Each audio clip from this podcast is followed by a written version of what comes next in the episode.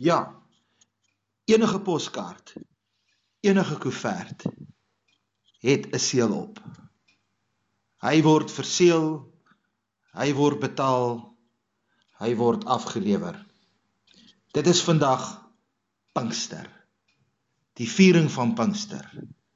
Die getal 50 wat beteken Pinkster. Hierdie opdrag het God aan Moses gegee vir die volk in Levitikus 26. Hy het gesê dis my feeste.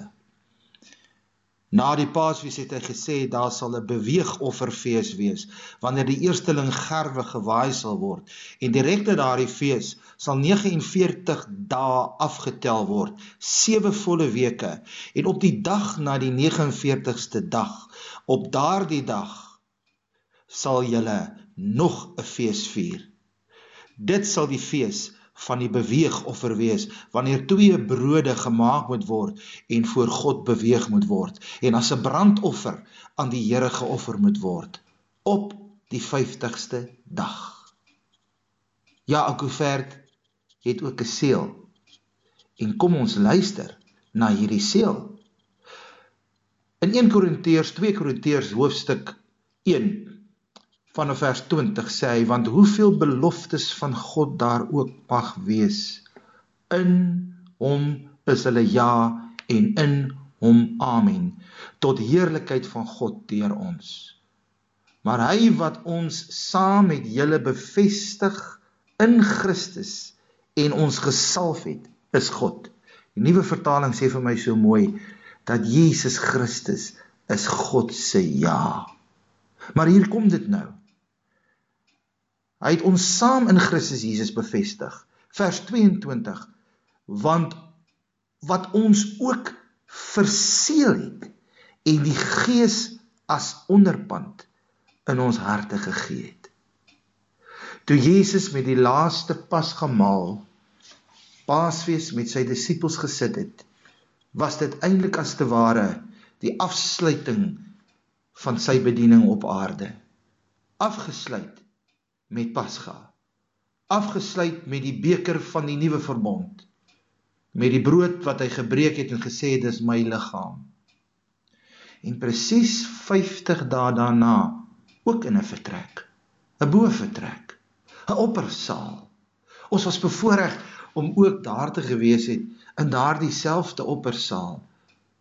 Of dit nou presies dieselfde was, kan ons nou nie bevestig en sê nie, maar dat dit in daardie omgewing was was so. Ons het 'n besondere ondervinding gehad toe ons ook in in so 'n soortgelyke oppersaal in Jerusalem in die stad ons met ons toergroep vergader het. Dit was besonder. Daar het 'n wind, dit was aanvanklik 'n windstil dag, maar daar het 'n wind deur daardie plek gewaai.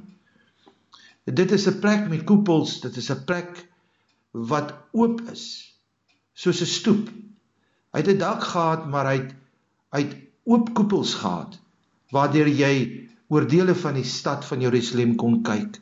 En wat 'n besondere ondervinding was dit nie. Presies 50 dae na Pasga toe vergader die disippels daar. Dit was juis tydens die fees van die beweegoffer. Dit was juis tydens die fees, die brandofferfees. Want u onthou histories nê, vier die Jode ook hierdie dag die koms van die wet, die koms van die Torah. Want die berg Sinai was gevul met vuur en met vlamme. Dit het gebewe. Dit was 'n heilige plek. Dit was 'n vreeslike plek toe God die wet gegee het. Dit is vir hulle ook hierdie dag histories vir die historiese Jood en die wettiese Jood, die viering van die ontvangs van die wet.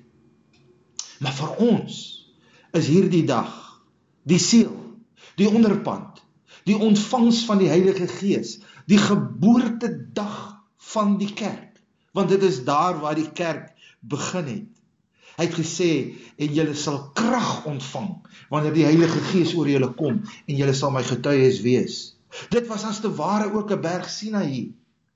Profeties, die ontvangs van die Heilige Gees die verseeling met die Heilige Gees wat ook gesien was deur tonge van vuur. Wat 'n wonderlike ondervinding. Die koms van 'n kragtige koninkryk, die verseëling van 'n kragtige koninkryk, soveel sodat hierdie koninkryk gekom het in verskeie tale en al allerhande tale. En die wyse daarvan was die spreek van daardie tale, die kragtige inwoning van die Heilige Gees, die ontvangs daarvan, die gawe, die geskenk. Want hy sê vir ons daar in 'n gedeelte hier in Efese hoofstuk 4 die volgende. Hy sê want toe Jesus opgevaar het, want onthou ons het hemelvaart gehad nie lank terug nie. En voor sy hemelvaart het hy juis vir sy disippels gesê: "Gaan wag in Jerusalem tot julle aangedoen word met krag uit die hoogte." Hy het hulle voorheen in Johannes ook gesê, ek gaan vir julle ander trooster gee. Ek gaan vir julle die Heilige Gees gee wat die wêreld sal oortuig van sonde en van oordeel en geregtigheid. Ek gaan vir julle 'n Parakletos gee. Ek gaan vir julle krag gee. En toe hy opgevaar het in die hoogte sê Efese 4 vers 8 het hy gevangenes gevange geneem en hy het gawes aan die mense gegee geskenk. Die grootste geskenk nog is die krag en die leiding van die Heilige Gees in ons lewens. Hy wat opgevaar het, sê vers 9, is ook die een wat neergedaal het. En hy het gegee. En hy het uitgedeel. Die engel sê so mooi He gave down. He gave van 'n hemelse posisie het hy gegee. Eerder as wat ons sou sê he raised up the fivefold ministry. He rather gave it down. Want dit is sy bedieninge. Dis hy wat die apostels en die profete, die evangeliste, die herders en die leraars gegee het om ons toe te rus vir ons dienswerk tot opbouing van die liggaam van Christus sodat ons uiteindelik die inhoud van die koevert kan bereik, naamlik die gestalte van Jesus Christus ons Here. O mense, hierdie goed maak my opgewonde. Wat 'n wonderlike dag wat ons in die kerk kom vier.